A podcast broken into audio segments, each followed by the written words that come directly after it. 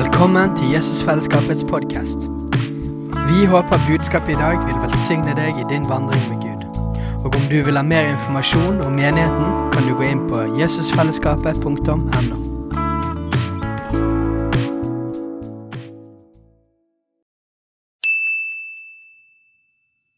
Hei!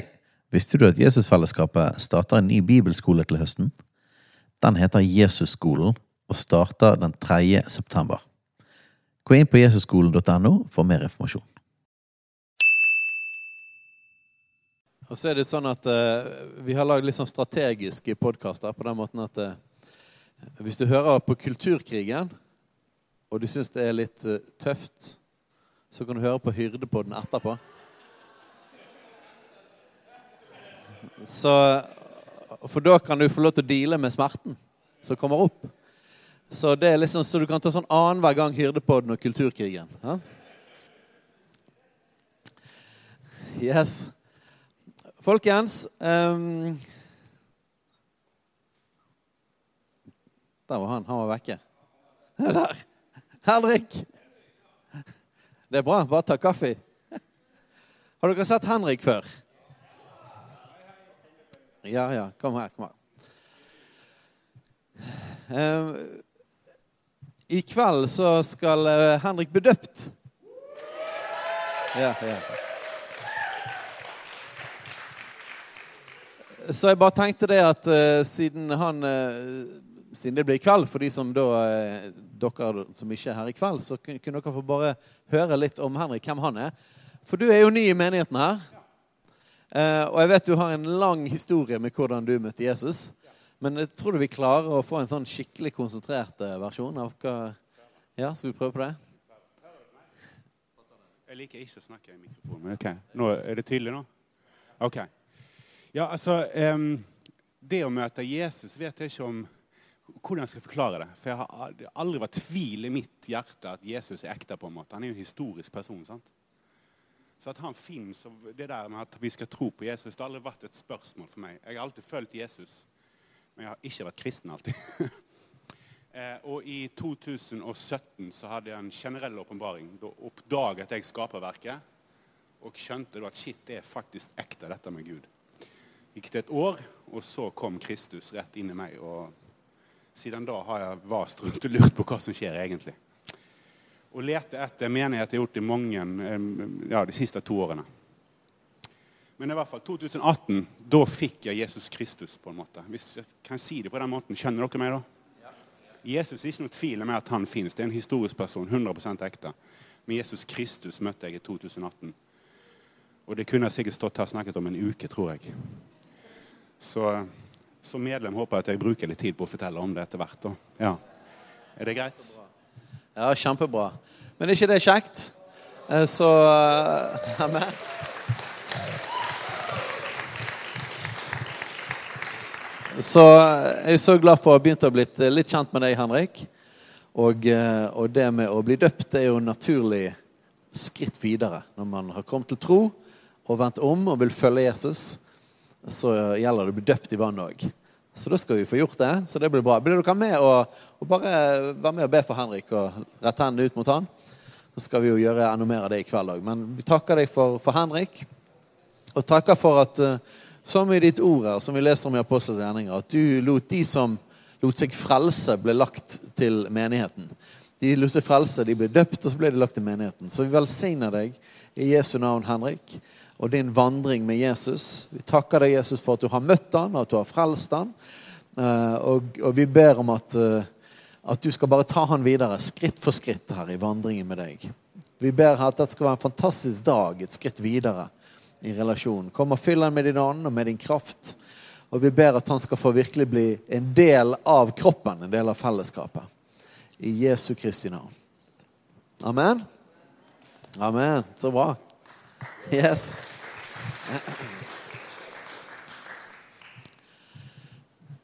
Um, jeg begynte forrige søndag med å, å snakke om uh, visjon for Jesusfellesskapet. Det er jo fordi at det er januar. Og eh, januar er jo alltid sånn eh, Nytt år! La oss se fremover. Så det er en god anledning til å på en måte bare løfte opp visjon og, og skape et bilde, tegne et bilde for, for hva jeg tror, og vi tror at Gud har gitt oss som visjon for menigheten. ok? Veldig mange har jo en sånn uh, setning. Uh, men de setningene de blir jo ofte ja, De setningene blir ofte litt sånn uh, Du skal putte så mye som mulig inn i en setning. Og så blir det ofte veldig generelle. Men, men uh, istedenfor å lage en sånn setning, så er det noe som på en måte som jeg personlig aldri har blitt kvitt. Så nå snakker jeg bare om, om, om meg det som jeg opplever Gud har gitt meg som en visjon for menigheten. Men det er jo selvfølgelig ikke bare meg. Eh, dette er jo noe vi står sammen om. Eh, alle som både er leder i menigheten her, men som òg har vært med lenge. Så er det jo dette er ting som dere vil kjenne igjen. Det er ikke noe nytt. Um, men istedenfor at liksom, vi har en spesifikk setning, så er det altså De første kapitlene i Apostelens gjerninger har liksom aldri gitt slipp i mitt hjerte som mer enn en historisk fortelling om noe som skjedde. Eh, men som et bilde på hva Gud ønsker fortsatt. Eh, og hva, som, hva hans drøm er for sin menighet. Og jeg tror på det generelt. Og Jeg kunne forsynt det overalt i verden, i alle slags lokale forsamlinger. Men samtidig så, så merker jeg at det er noe spesielt der for meg og for oss. Eh, så det er ikke bare generelt, men det er rett og slett en visjon for Jesusfellesskapet Bergen. At det som vi leser i de første kapitlene av Apostelens gjerninger, er en beskrivelse av ja, den første menighet, men noe mer enn det. Det er beskrivelse av et bilde av et liv som, eh, som jeg lengter etter, og vi ser for oss at vi vil vandre lenger og lenger inn i ved Guds nåde. Ok? Så Apostels gjerninger kapittel 1 og kapittel 2 der er det masse forskjellige elementer. Og jeg drakk ut ti elementer. Det var ganske saftig. For de som da ikke hørte det, så det ligger på podkasten. Hvis dere vil høre på det. Jeg, jeg, lyst, jeg, skal gjenta noen av de tingene, for jeg tror, på, jeg tror det er pedagogisk å gjenta. Eh, og, eh, og, så har jeg lyst til å ta det litt videre, for det er egentlig så er den biten, kapittel 1 og kapittel 2, er liksom del 1. Basically er det eh, lokalmenighetsvisjon. Og så kommer det en del 2 som handler om visjon for lengre utover. Og Alt dette kan vi se gjennom apostelens gjerninger. Så, så, dette er både noe generelt, det er en historie av noe som skjedde for 2000 år siden. Men det er òg et bilde av jeg tror, hvordan Guds rike fungerer. Jeg tror det er Guds drøm for menighet, og det er et framtidsbilde i forhold til hva vi skal være. Og så er det sånn, som jeg ofte sier når jeg, når jeg deler visjon så er det sånn at Grunnen til at det forkynnes, er det at når Guds ord blir forkynt, så skaper det det det sier. Sånn at Hvis dette her er Guds ord, og det er Guds vilje, og det til og med er profetisk inn i vår forsamling, så tror jeg det at ved at det blir talt ut, så vil Den hellige ånd bruke det. Han vil bruke det til å tale til hver enkelt personlig. Både til å, å kalle de som han kaller, til å være en del av det. Jeg tror han vil bruke det til å tale spesifikt til deg om hvordan ser det ut for deg. For at vi alle sammen i en kropp har, har, vår, eh, har vår, bit. Sant? Eh, Gud har gitt deg gaver, han har gitt deg en personlighet. Han har gitt deg til å være en bit av en kropp. Så, så når jeg forkynner det større bildet, så håper jeg at Den hellige ånd vil ta tak i noen deler spesielt. Sånn at vi sammen kan manifestere disse tingene. Så la meg gjenta litt fra Om jeg klarer å gjøre det kort. da. Faren med å, med å repetere. Dette har jo skjedd ganske mange ganger på bibelskolen. Så når jeg repeterer liksom det jeg sa forrige time, så bruker jeg hele neste time på å repetere det som skjedde forrige time. Men jeg skal se om jeg kan klare å bare repetere litt og ikke preke det samme en gang til. ok? Sånn at vi kommer videre. Men dette henger altså sammen. Så i Apostelens gjerninger 1 så sier Jesus før han drar til himmelen, at uh, vent i Jerusalem inntil dere får kraft fra det høye. Uh, og så står det for så vidt et nøkkelvers som, som, jeg ikke tok med sist gang, men som er mer koblet på de tingene jeg har tenkt å snakke om i dag. Og det er kapittel 1 vers 8. Men dere skal få kraft idet Den hellige ånd kommer over dere, og dere skal være mine vitner både i Jerusalem Og den biten er egentlig hva vi snakket om. Hva Gud gjorde i Jerusalem og menigheten i Jerusalem. Men så kommer det en videre bit. da, Og i hele Judea og Samaria og like til jordens ende. Og Dette er jo koblet på misjonsbefalingen sant? i Matteus 28 og Markus 16. Gå ut i all verden. Sant? Gjør alle folkeslag til disipler. Gå ut i all verden og forsyn evangeliet. Så, så, vi ser her at de er kalt til, de er sendt til å gjøre noe i Jerusalem. Og i kapittel 1 og kapittel 2 spesielt så ser vi beskrivelsen av det som Gud gjorde i Jerusalem, lokalt i menigheten. Men så er det en del to av det. Det er Samar, Judea, Samaria og like til jordens ender. Så vi skal vende tilbake igjen til det. Men jeg skal bare gjenta kjapt hva vi gikk inn i. Så i, i kapittel 1 så lover Jesus at Den hellige ånd skal komme fra det høye, så de har fått et profetisk løfte. Og så blir de bedt om å vente. Og vente i Bibelen er å søke Gud. Så venting er bønn. Og så står det i, i, i kapittel 1 vers 14 så står det at de alle var samlet, og de var utholdende i bønn. Så jeg tror det at for oss så er det å være i bønn og utholdende i bønn og søke Hans ansikt det er nummer én alltid. Det er nummer én i vårt personlige liv, nærhet til Han. Men det er òg nummer én som lokal menighet. Å søke Hans ansikt. Søke Hans ansikt. Når vi har lovsang, så er det ikke oppvarming til tale. Men det er det viktigste vi gjør. Vi søker Hans ansikt, vi tilber Han. Og vi har bønn og lovsang hver eneste dag her. Og eh, min drøm, og jeg tror det er Den hellige ånds drøm òg, det er at det skal bli flere og flere og flere og flere som samles hver eneste dag, som han drar på. Sånn at det er flere og flere av oss som søker Gud. At bønn og lovsang får stige opp fra flere og flere mennesker hver eneste dag. Og etter hvert vil Gud helt sikkert begynne å sende folk til natten òg. Så bønn og lovsang jeg tror det har med, med dette stedet å gjøre. Det er hjertet som pumper liv rundt i hele kroppen. Det er fyrrommet der eh, man kaster ved på, og som skaper varme og sprer ut energi. Så alt starter med bønn. Alt starter i å søke hans ansikt. Og det er helt konkret manifestert hos oss i vår menighet og vårt arbeid, så er det bønnehuset. Så jeg oppfordrer dere fortsatt. Kom og vær med. Kanskje en dag, kanskje en gang iblant, kanskje fast. Eh, og så får vi mer og mer bønn som stiger opp. Så I Apostels gjerninger 1 så er det utholdende bønn. Og så ser vi gjennom historien at der det er utholdende, pågående bønn Jesus kalte det pågående bønn. Han underviste om det flere ganger. Der ser vi at Den hellige ånd blir utøst. Så det er både et løfte fra Jesus om at Den hellige ånd skal komme, men det er òg et svar på det løftet, som er utholdende bønn. Og de to tingene kombinert fører til utøselse av Den hellige ånd. Ja, pinsedag det er en ting som skjedde for lenge siden, og det skal ikke skje igjen akkurat på den måten. Men vi ser gjennom historien at Den hellige ånd blir utøst igjen og igjen og igjen og igjen. Vi ser det til og med i kapittel 4, men i samme gjengen, at de ber, og så kommer Den hellige ånd over dem. Så det er kjerne. Det er hjertet. Hans ansikt. Bønn, bønn, bønn. Så det er nummer én. Og så ser vi kapittel to. Det er at Den hellige ånd blir utøst. Og jeg tror på det. Vi tror på det. At vi ønsker å være et sted, et landingsplass for Den hellige ånd. Der Den hellige ånd får lov til å komme mer og mer. Der han får lov til å ha rom. Men òg at Den hellige ånd skal falle på oss kraftigere. Jeg tror på det. Og enten det skjer gjennom at vannstanden bare øker litt og litt og litt, og litt, at vi er tro i smått da han satt der og var større, eller at det sier plutselig kaboom, og så faller Den hellige ånd. Det har også skjedd i mange ganger i historien. Det har ikke vi kontroll over. Men jeg vet at utholdende bønn fører til utøselse av Den hellige ånd.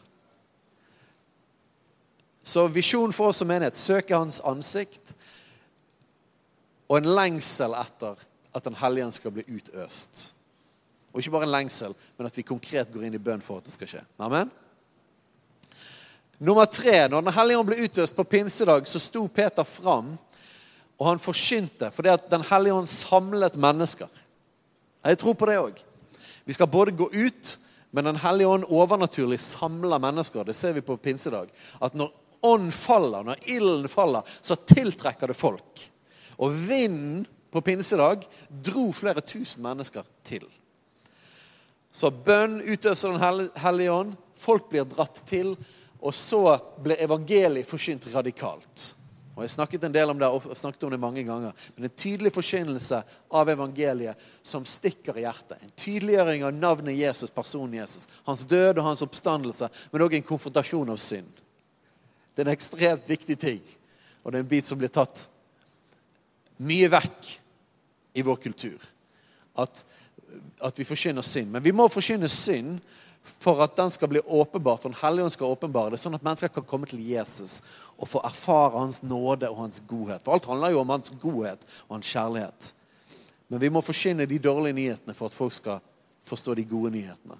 Så en tydelig forkynnelse av evangeliet ser vi av Peter på pinsedag. Og så står det etter hvert i vers 37 der at det stakk mennesker i hjertet. De stakk i hjertet og sa de, hva skal vi gjøre? Og så sa Peter, vend om, la dere døpe, så skal dere få Den hellige ånd. Tydelig forkynnelse av evangeliet fører til at det stikker i hjertet. Som gjør det at når mennesker tar imot, så tar de imot full pakke. Og det er neste bit, som jeg drømmer om. Altså En drøm for oss som menighet. At vi skal se mennesker virkelig født på ny. Komme til tro. Vende om til Jesus. Bli døpt i vann og bli døpt i Den hellige ånd. Brennende disipler av Jesus. Amen? Og så ser vi videre at når disse folkene fikk høre evangeliet på den måten, og virkelig overgav sitt liv til Jesus, ble fylt av Den hellige ånd, så står det at de ble lagt til menigheten. De ble en del av. Og Jeg snakket om det mange ganger, hvordan vi kan ikke gå i menighet, men vi kan være en del av en menighet, en kropp. Så de ble lagt til familien. Og når de ble lagt til, så står det at de holdt urokkelig fast på apostlenes lære, på samfunnet, på brødsbrytelsen og på bønnene. Som betegner livsstilen til disse nye disiplene. Og dette var nyfrelste. sant? I tillegg til de 120 som hadde vært med en stund. Så, så det, var en, det, var en, hunger og det var en overgivelse til hverandre og til fellesskapet. Og til å høre Guds ord forkynt. Og Ofte tar vi apostelens lære og så sier vi at det er, det er Bibelen. Og det er jo, det er jo riktig. Men, men, vi må huske det at spesifikt der det står i apostelens gjerninger, så betydde apostelens lære at de kom sammen med menigheten og hørte forkynnelsen. Så det er òg en kollektiv side av det. Så det er en lengsel og det er en visjon at, at vi skal være sånne disipler som lever i dette. Men at òg at de nye som blir lagt til, skal holde urokkelig fast på disse tingene. Virkelig disipler av Jesus. sant? Amen? Jeg kan si en ting, bare en liten detalj inni der. Det å leve i en kultur der vi kommer lengre og lengre vekk fra den kristne arven. Og der færre og færre tror evangeliet eller tror en Gud. Og der til og med kristne blir mer og mer sekularisert og tenker mer og mer som verden. sant? Det store privilegiet med å leve i en sånn tid er det at det setter oss på valg til å enten drive med eller å gå dypere i Han og gå dypere i Hans ord.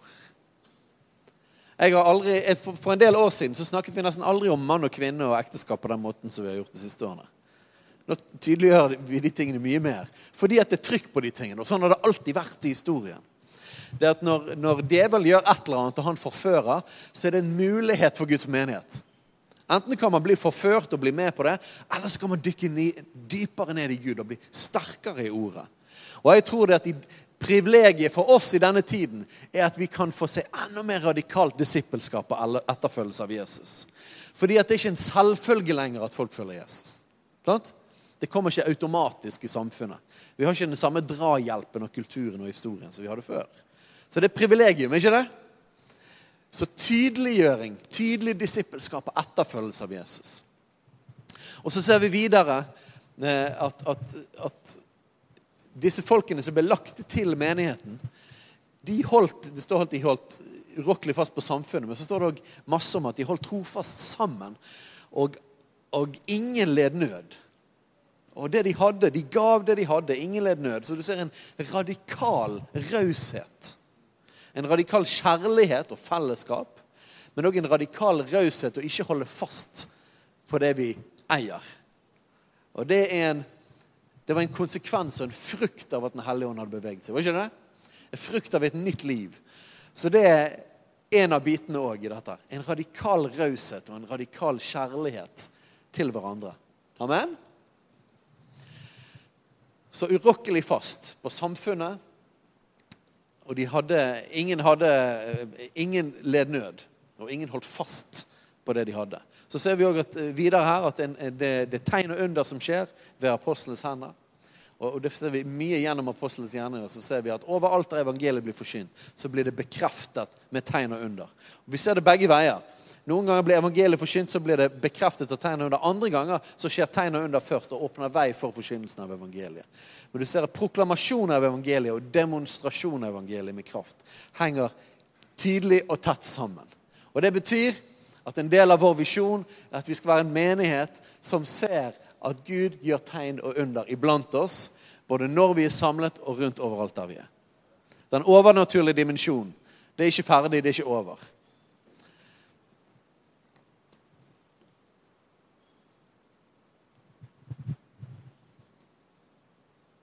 Den nest siste var at de var sammen utrolig mye.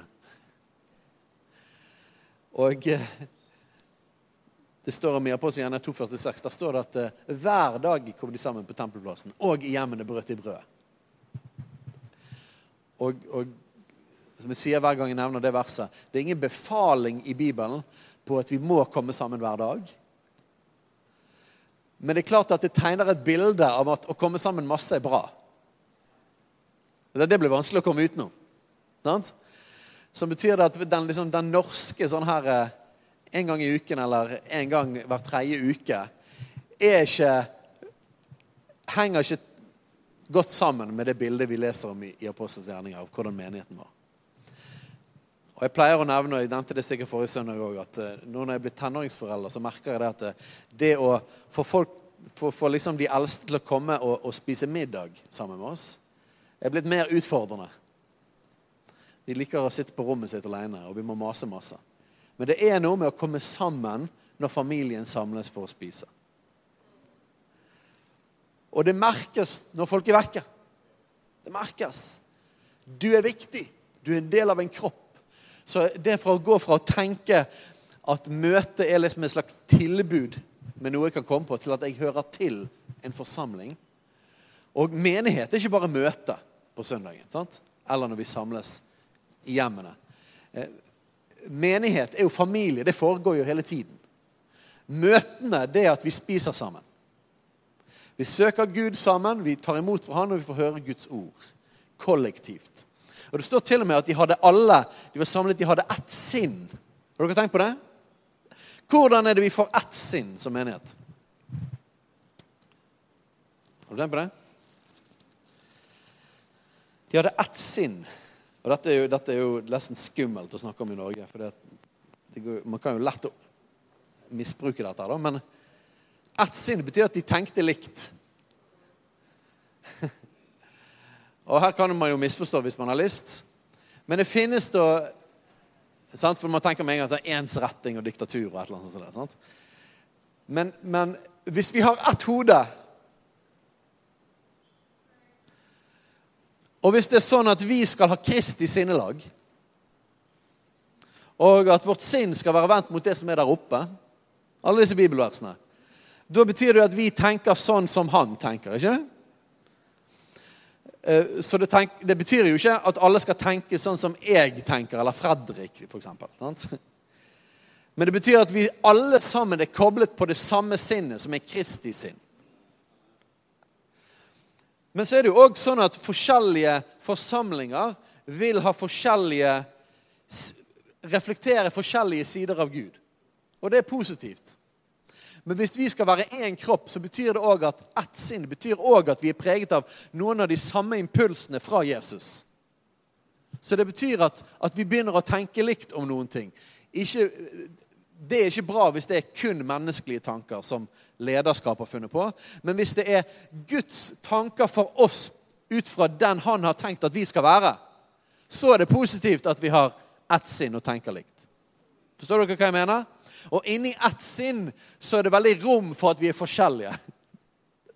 Det betyr ikke at alle liksom, det ser helt nøyaktig ut, men det betyr, det betyr at, at, det har med enhet å gjøre, det òg. Enhet er jo at vi er hjertekoblet og elsker hverandre på tross av at vi er forskjellige. sant? Men samtidig så drar jo han oss sammen sånn at vi òg blir mer lik på én måte. Klarer dere å holde de to, disse to tankene sammen? Det er begge deler. Men ett sinn er positivt. Vet du hva? Det å komme sammen og være sammen og be sammen og søke Gud sammen, det drar oss jo sammen òg i ett sinn, ikke det? Det å komme sammen og høre Guds ord forkynt og høre det samme, det drar oss jo òg sammen. Og dette var Guds idé, for de kom hver dag sammen. Sant? Og hjemmene brøt i brødet. Så det betyr at det å komme sammen med det å òg bli ett i tanke, i sinn, i hjerte, i ånd Det har med hvor mye vi møtes. Og det handler òg om å være preget av det samme Guds ord og samme forkynnelse. Og den siste biten fra repetisjonen Det står at de tilba Gud. Og så står det helt på slutten at uh, hver dag la Herren dem som lot seg frelse, til menigheten. Og drømmen for meg og en visjon, et fremtidsbilde for oss, er at uh, La oss begynne med, siden vi ikke møtes hver dag, da, og siden vi ikke gir alt vi eier Så hvis vi tar en bit av det, la oss være litt raus. Litt mer raus. La oss samles en del. Så kanskje ikke hver dag, men kanskje, kanskje vi kunne satt én gang i uken. Var det folk som lot seg frelse, som ble lagt til menigheten? Kan det være et bra steg videre? Det er en drøm for meg. Hver eneste uke så får vi høre Når vi kommer sammen for å spise middag sammen, så får vi høre historien til de som ble født på ny denne uken her. Har ikke det vært herlig? Og så kan vi sammen være med og se de døpt og lagt til menigheten. Amen? Hver eneste uke. Og hvis vi ser det, så kan, kan det gjerne øke derfra. Ok, Så det var en sånn kjapp gjennomgang av Apostels gjerninger 1 og 2. Og masse forskjellige sider av det som Gud gjorde i menigheten i Jerusalem. Men som jeg tror er en visjon for vår menighet, men også for Guds menighet generelt. For dette var menighetens fødsel. Så det var ikke liksom bare tilfeldig, det som skjedde her. Dette er det som skjer når Guds ånd får lov til å bevege seg i en forsamling. Det tror jeg. Ok, La oss ta en bønn på de tingene. Gud, jeg ber For dette er ikke noe vi eller jeg Vi kommer ikke klare å få til dette i egen kraft. eller noe som helst. Men hvis det er din drøm, hvis det er ditt hjerte, så ber jeg deg at det skal bli et fremtidsbilde for oss. Og jeg ber at du skal tale til oss om hva det ser ut som. Det fins forskjellige typer gaver og tjenester. Og det er rom til alt som du reiser opp, Herre, innenfor det. Men jeg ber at du skal dra oss sammen, og at vi skal gå sammen mot noe som du har tenkt. Gud, ikke bare for vår skyld, men for denne byens skyld. Og at vi i neste rekke skal få lov til å fylle vår rolle i din menighet i Bergen. For at alle de troende i byen vår kan sammen representere deg, Gud. Sånn at vi kan se ditt rike komme mer i Bergen. Her vi ber om det, Herre. La oss få bli reist opp til de vi skal være, Herre. Blås på oss med din ånd. I Jesu navn. Ok. Men det som skjer i Jerusalem, er det at vi kan se de neste kapitlene. Etter kapittel 2 så ser vi kapittel 3. Der eh, går, går eh, Peter og Johannes til, til, tempelporten, og så er det en lammann som blir helbredet. Husker du den historien? Og når han blir helbredet, så stimler det masse folk sammen, og så ble evangeliet blir forsynt. Og så står det at tallet på mennene kom opp i 5000. Så hver dag ble det lagt til folk, og så skjedde det òg sånne her moments av at evangeliet ble forsynt, og det skjedde noe spesielt. Og det ble flere og flere folk. Så da var mennene oppe i 5000. Så med kvinner og barn så vet vi ikke, jeg vet ikke helt hva vi var da. 10 000? 15 000? Um, og så ser vi at de ble satt i fengsel. For de sto der og forsynte, og så ble de truet. At det er sånn spole gjennom apostelens gjerninger. Er du med på det? Og når de ble satt i fengsel, så ble de truet. Ikke forsyn evangeliet! Og så sa de dere får dømme sjøl om det er rett eh, å, å, gjøre det dere sier, eller følge Gud. ok? Og Så kommer de sammen til menigheten og så forteller de om dette. De sa at de, vi fikk ikke lov til å forsyne evangeliet. Og Husker dere det, hva som skjedde da? Til kapittel 4. Da begynte de å be når de hørte det. Så hva skjer når man får motstand? Nei, Da har vi en mulighet til å respondere sånn som vi ser folk respondere i Bibelen. Motstand da søker vi Gud bare enda mer. Og så står det at de samstemmig løfter sin røst til Gud. Så, så ba de til Gud og sa hold øye med trøslene deres, men gi oss frimodighet. Mer frimodighet. Det er de basically ba om.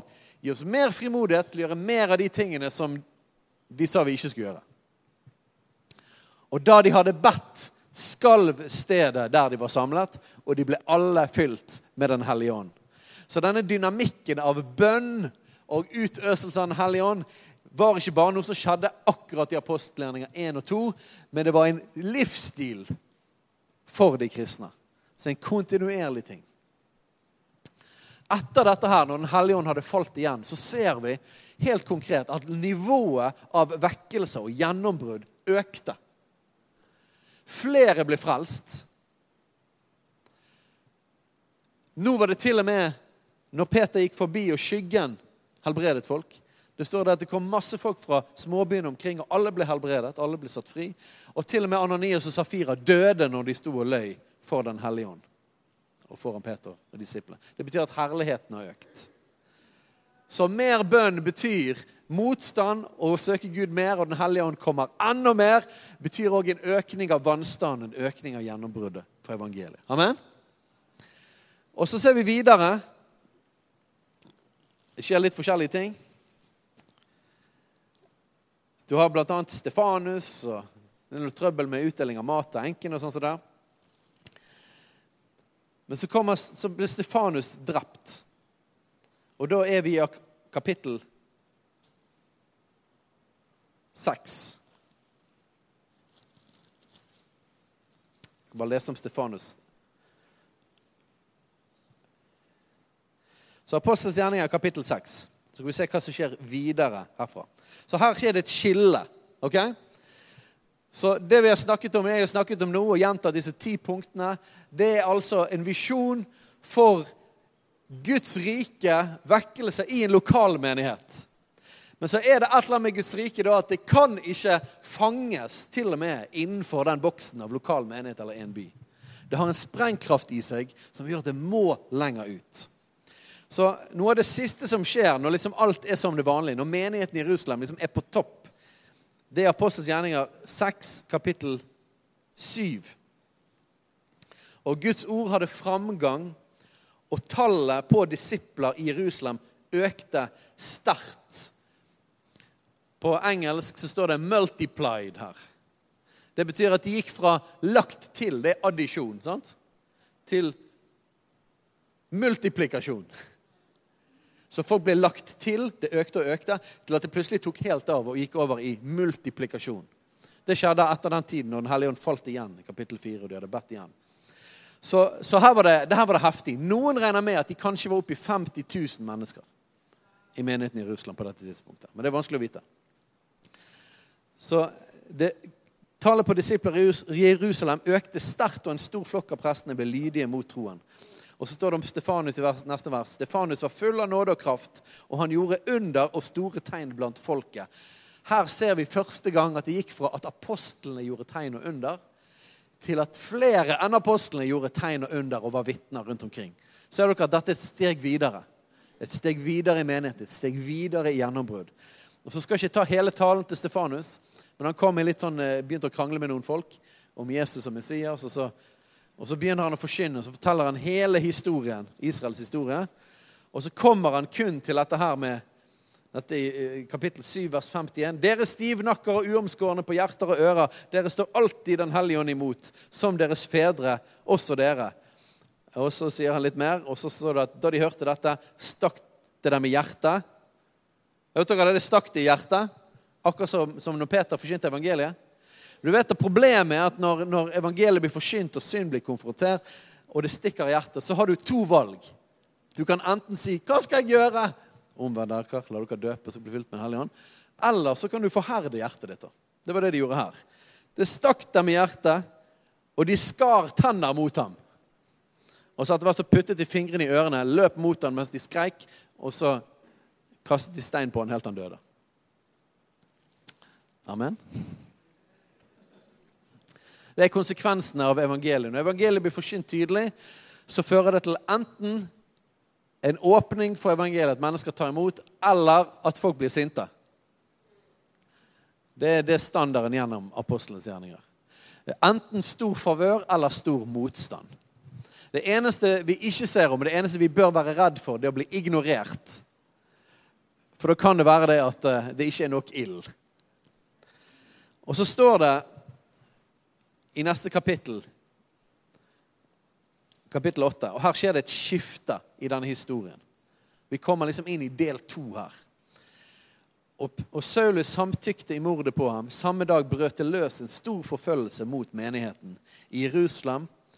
Og alle unntatt apostlene ble spredd utover bygdene i Judea og Samaria.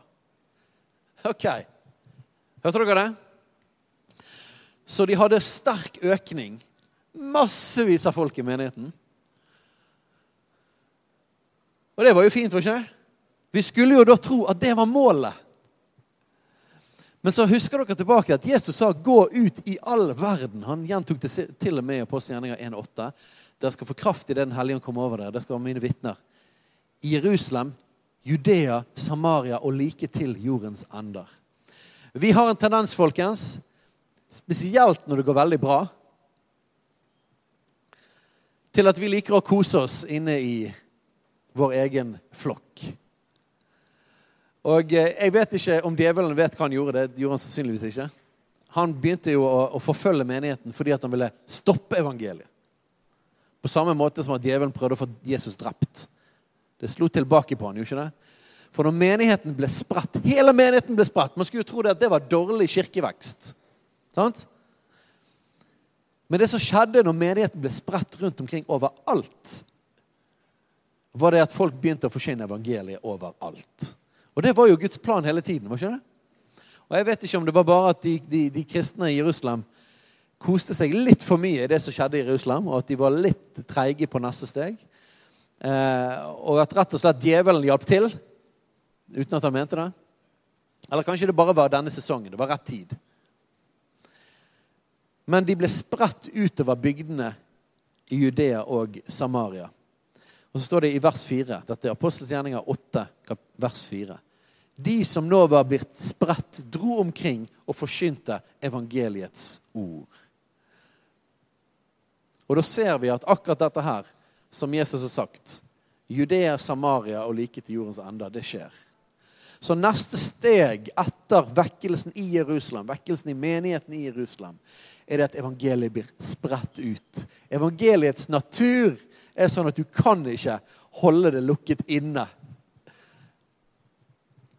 Det vil ut. Det vil vokse. Jesus snakket om Guds rike i mange lignelser.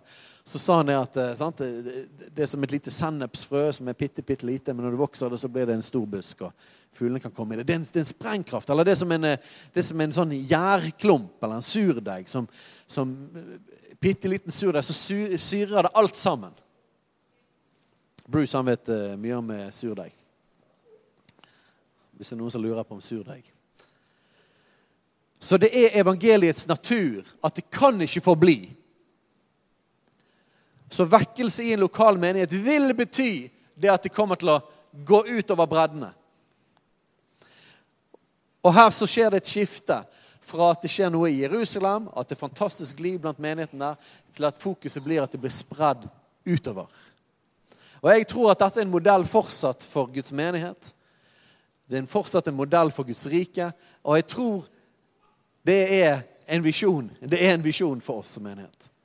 Det betyr at jeg ser, jeg har sett det i ånden mange ganger. og vil gjenta det igjen og igjen. Jeg har sett mange mennesker komme til her. Sånn som på pinsedag, at folk blir dratt inn og samlet inn ved Guds ånd. Jeg tror det kommer til å skje.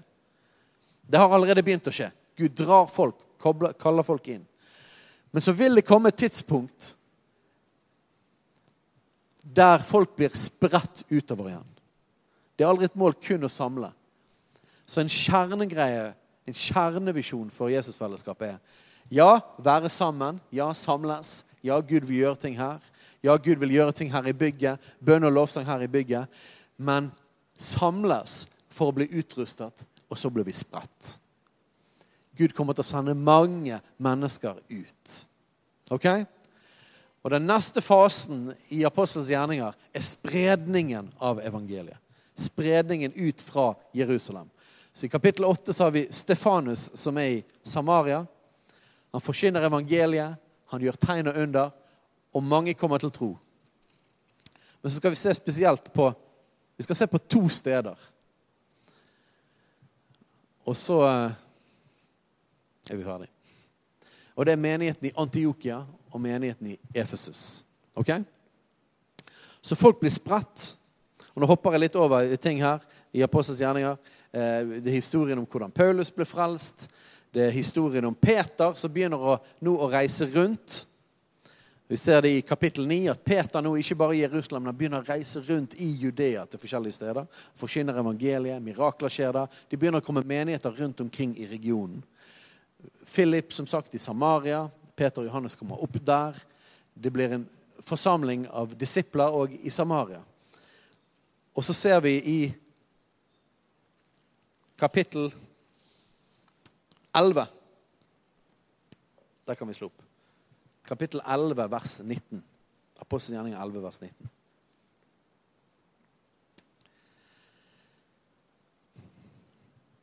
Nå har vi følt liksom, når, når Apostels gjerning har fulgt litt historien til Philip, og så liksom Peter var litt rundt omkring, og så Paulus som ble frelst. Men her går vi, spoler han egentlig tilbake igjen til akkurat det punktet vi var på. Når Stefanus ble drept, og menigheten ble spredt rundt omkring. Så dette er apostelgjerninga 11, vers 19.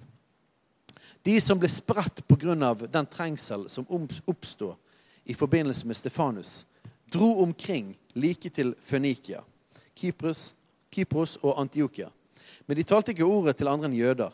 Men noen av dem, noen menn fra Kypros og Kyrene, kom til Antiokia, hvor de også talte til grekere og forsynte evangeliet om Herren Jesus.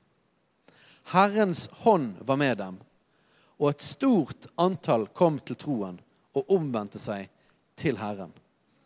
Ryktet om dette kom menigheten i Jerusalem for øre, og de sendte Barnabas til Antiokia.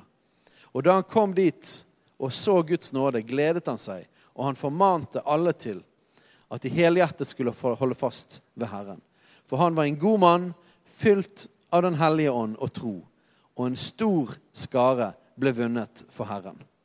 Han dro så til Tarsus for å oppsøke Saulus, og da han hadde funnet ham, førte han ham til Antiokia. Og et helt år var de sammen i menigheten der og lærte en stor skare. Det var i Antiokia disiplene først ble kalt kristne. Så evangeliet ble spredt rundt omkring i Samaria og i Judea. Og etter hvert så kommer de opp til Antiokia. Og så har jeg lyst til at dere skal se at akkurat det samme akkurat det samme mønsteret som skjedde i Jerusalem, med først vekkelse lokalt og så spredning. Spredning gjennom forkynnelse av evangeliet, som ble til menighetsplanting. Ser at det skjer igjen og igjen og igjen gjennom apostelens gjerninger. Dette er evangeliets natur. Og Det betyr at det må være en del av vår visjon. Dette må være en del av måten vi tenker menighet på. Så når de kom til Antiokia, og evangeliet ble forkynt der, så er det mange som ble frelst. Fantastisk! Samme som var i Jerusalem, var ikke det? En haug med folk ble frelst. Og så, var, og så tok Barnabas Paulus opp til Antiokia, og så var de der, og så lærte de og underviste de, og så utrustet de menigheten i ett år. Ok? Nydelig. Så det er vekkelse i Antiokia. Det blir en stor og herlig menighet i Antiokia. Men du vet at det kan ikke, det varer ikke for lenge vet du, å ha det bare fint i sin egen by. Så det som skjer i kapittel 13 vers 1. Der står det at i Antiokia, i menigheten der, var det profeter og lærere. Barnabas, Simeon, som kalles Niger, og Lukius fra Kyrene, og Manaen, fosterbror til fjæringsfyrsten Herodes, og Saulus. Så hva betyr det? At ut fra denne vekkelsen i Antiokia, ut fra at Paulus og Barnabas var der og underviste og lærte, så har Gud reist opp menigheten og reist opp nye ledere. Sant? Nye ledere er kommet opp, og nå er det tydeligvis klart for å gå videre. For i vers 2 står det mens de holdt gudstjeneste og fastet, sa Den hellige ånd, ta ut for meg Barnabas og Saulus til den gjerning som jeg har kalt dem til.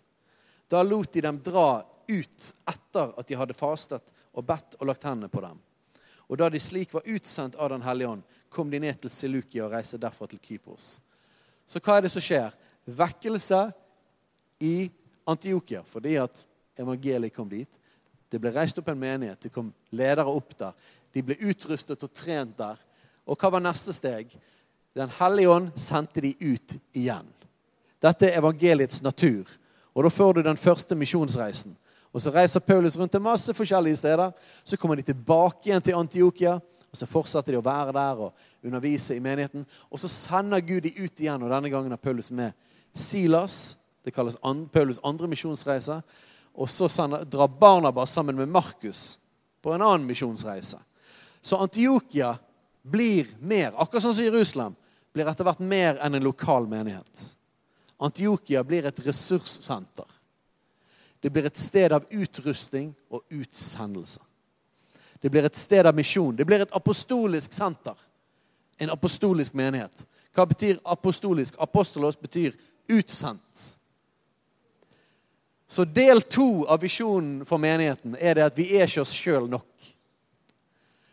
Jeg tror at vi skal få se masse av de tingene som vi leser om i Apostelgjerningen 1 og 2 lokalt hos oss. Jeg tror at vi skal se det som skjer i kapitlene videre i byen. Men vi er ikke oss sjøl nok. Så i Antiokia så ble de sendt ut, og så hadde de det som en base. Jeg tror Gud har kalt oss, og jeg tror Gud har gitt oss dette bygget fordi at dette skal være en base for utrustning og trening og utsendelse. Til Samaria, til Judea og like til jordens ender. Hva er vårt Judea og Samaria? Jeg tror det er bergensområdet. Jeg tror det er Vestlandet. Og så tror jeg det er Norge og Europa, og så like til jordens ender. Dette er et sted av trening og utrustning. Og jeg bare erklærer det ut igjen og igjen og igjen. Og taler det ut. For det er det Gud har talt til oss. Og det er det som kommer til å skje. Jeg skal bare ta et siste eksempel. Menigheten i Efesus.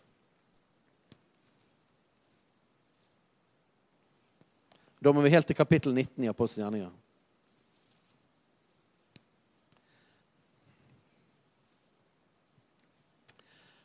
Så Paulus er i Efesus, så møter han noen folk, og så blir de disipler av Jesus, og de blir døpt der, og de blir fylt av Den hellige ånd. Og så står det i vers 8, Apostels gjerninger 19,8. Han gikk så inn i synagogen og talte frimodig i tre måneder. Og han førte samtaler med dem og overbeviste dem om det som hører Guds rike til. Men noen forherdet seg og ville ikke tro. De talte ille om veien, som mengder hørte det. Da brøt han lag med dem og skilte disiplene fra dem. Og holdt daglige samtaler i Tyrannus skole. Så han gikk inn i synagogen og forkynte evangeliet, men så var de som ville følge Jesus, de som trodde på Jesus som Messias, de ble samlet for seg sjøl. Så da ble det en menighet. sant? Han samlet disiplene. Der ble det en lokal menighet. Og så står det at han holdt daglige samtaler i Tyrannus skole. Så hver eneste dag så satt Paulus der, og så kom mennesker, og så spurte de spørsmål, og Paulus underviste. Dette er modellen etter hvordan, hvordan det fungerte med å være rabbi og disippel i Israel. sant?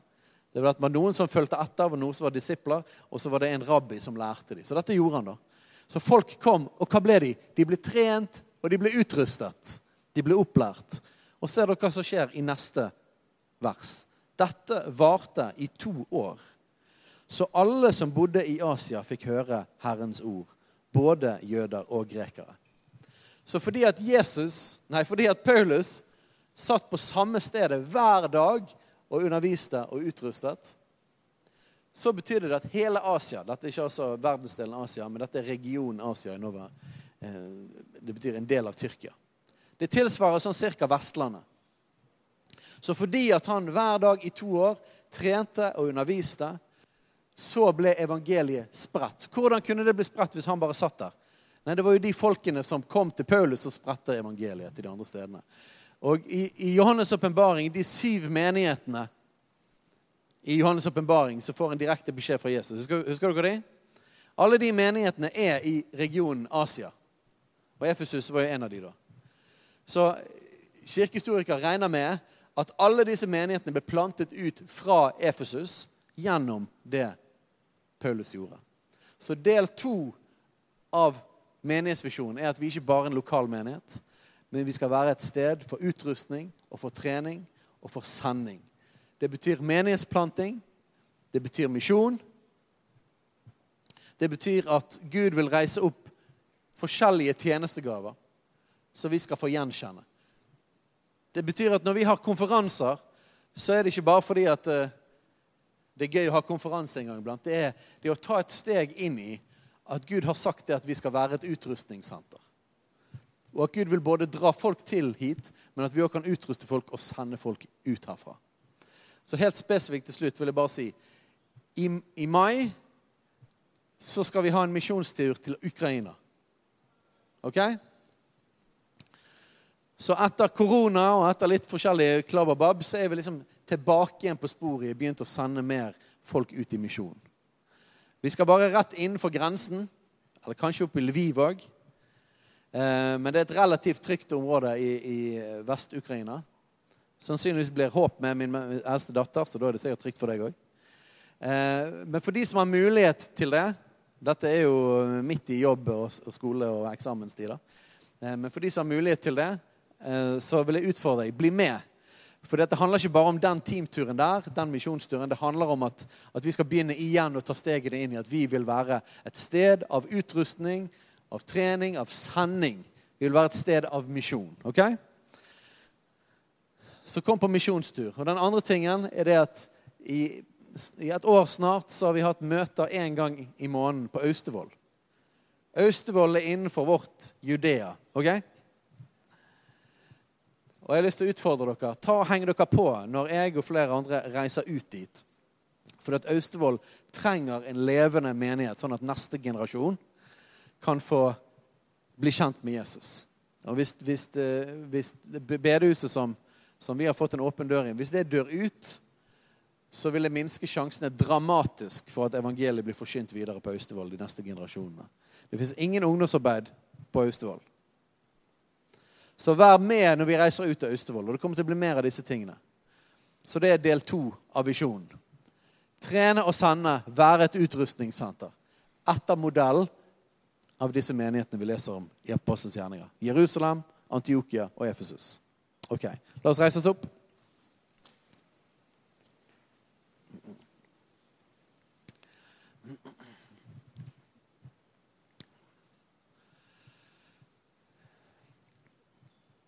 tilber deg, Jesus. Jeg ærer deg. Jeg lover ditt navn. Jeg takker deg for at å bare liksom eh, dele visjoner i seg sjøl eh, kommer ikke til å gjøre at ting skjer. Men alt skjer ved din ånd, Herre. Men så sant dette er noe som du vil, så sant dette er din vilje, noe du har talt til oss spesifikt om, Herre, så vet jeg at ditt ord går ut og skaper det du sier. Og jeg vet at du, Hellige Ånd, du virker. Du lar det ordet virke. Sånn at du taler til hver eneste en av oss. Og jeg ber om det igjen, Herre. Vis oss tydelig hva vår del av dette er. Hva dette betyr for hver enkelt. Kall oss ut i de forskjellige delene av tjenester. Både lokalt, men òg utover Jesus. Og jeg ber, Herre, kom med mer av din ånd, Herre. Jeg ber mer enn noe annet at du kommer med nådens og bønnens ånd over oss. At du legger en lengsel ned i oss etter å søke ditt ansikt. At du kommer med bønnens og nådens ånd. Kan vi bare ta og legge hendene på noen som er ved siden av? At du kommer med bønnens og nådens ånd over oss, Herre. At du vekker oss. Du vekker oss til bønn, Herre. Du vekker oss til å søke ditt ansikt, Herre. At du lokker oss, her med din godhet og med din kjærlighet. At du lokker oss nærmere deg, Herre så ber jeg deg at dette stedet skal bli et sånt fyrrom, Herre. Et sted av din ild, Herre. Et sted av bønn og lovsang. Et sted der, du mer og mer utøser Den hellige ånd over oss. Herre. Og skal du dra mennesker til her, og folk skal bli lagt til. Men så takker jeg deg for at alt det du skal gjøre lokalt her, ikke bare skal være for oss, men at du vil trene og utruste. At du vil sende mennesker. Og at vi får lov til å være, bety en forskjell i regionen vår, Herre. I bergensregionen her og på Vestlandet. Jeg ber at du skal kalle folk til bygder og byer, Herre, rundt omkring i bergensregionen og på Vestlandet. Til bydeler i Bergen, Herre. Og at vi skal være med og se at evangeliet blir plantet på sted etter sted etter sted. etter sted, At nye generasjoner får høre evangeliet. Herre, jeg ber at du skal kalle oss herre, til misjon utenfor landegrensene herre, og utenfor regionen vår. herre. Til Norge, Skandinavia, Europa og videre, Herre. At du reiser oss opp, og at du kaller oss til misjon, Herre. Men far, vi vet at vi kan ikke gjøre noen av disse tingene herre, uten at det er du som føder det fram. Herre. Uten at det er ved din ånd, Herre. Så vi ber, kom Hellige Ånd. Kom Hellige Ånd og fyll oss. Fyll oss med din ånd og fyll oss med din kraft. Og gjør det akkurat som du vil, Herre. Ikke i vårt eget strev, Herre. Ikke basert på våre egne krefter, Herre. Men basert på at det du vil gjøre, det skjer. Jeg bare blir minnet om akkurat når jeg ber. Men bare minne oss alle sammen om at vi er i dette bygget ut av et mirakel. OK? For noen år siden holdt menigheten på å dø. Han sa han er ikke ferdig med oss. Han talte igjennom hva han vil gjøre. Og som ut av ingenting tok Evangeliekirken kontakt, og det endte opp med at vi slo sammen med Evangeliekirken. Vi er blitt en firegenerasjons menighet. Og vi har fått dette bygget, disse lokalene. Tror dere det var bare for at vi skulle ha det kjekt å ha noen møter? Nei, det handler om disse tingene som jeg har forkynt disse, disse søndagene. her. Det handler om at Gud faktisk vil gjøre det. Han har allerede gjort et mirakel, folkens. Dette var helt umulig. Dere sitter i det akkurat nå. Vi hadde ingen penger. Vi hadde ingen penger til noe som helst lokale. Vet dere det?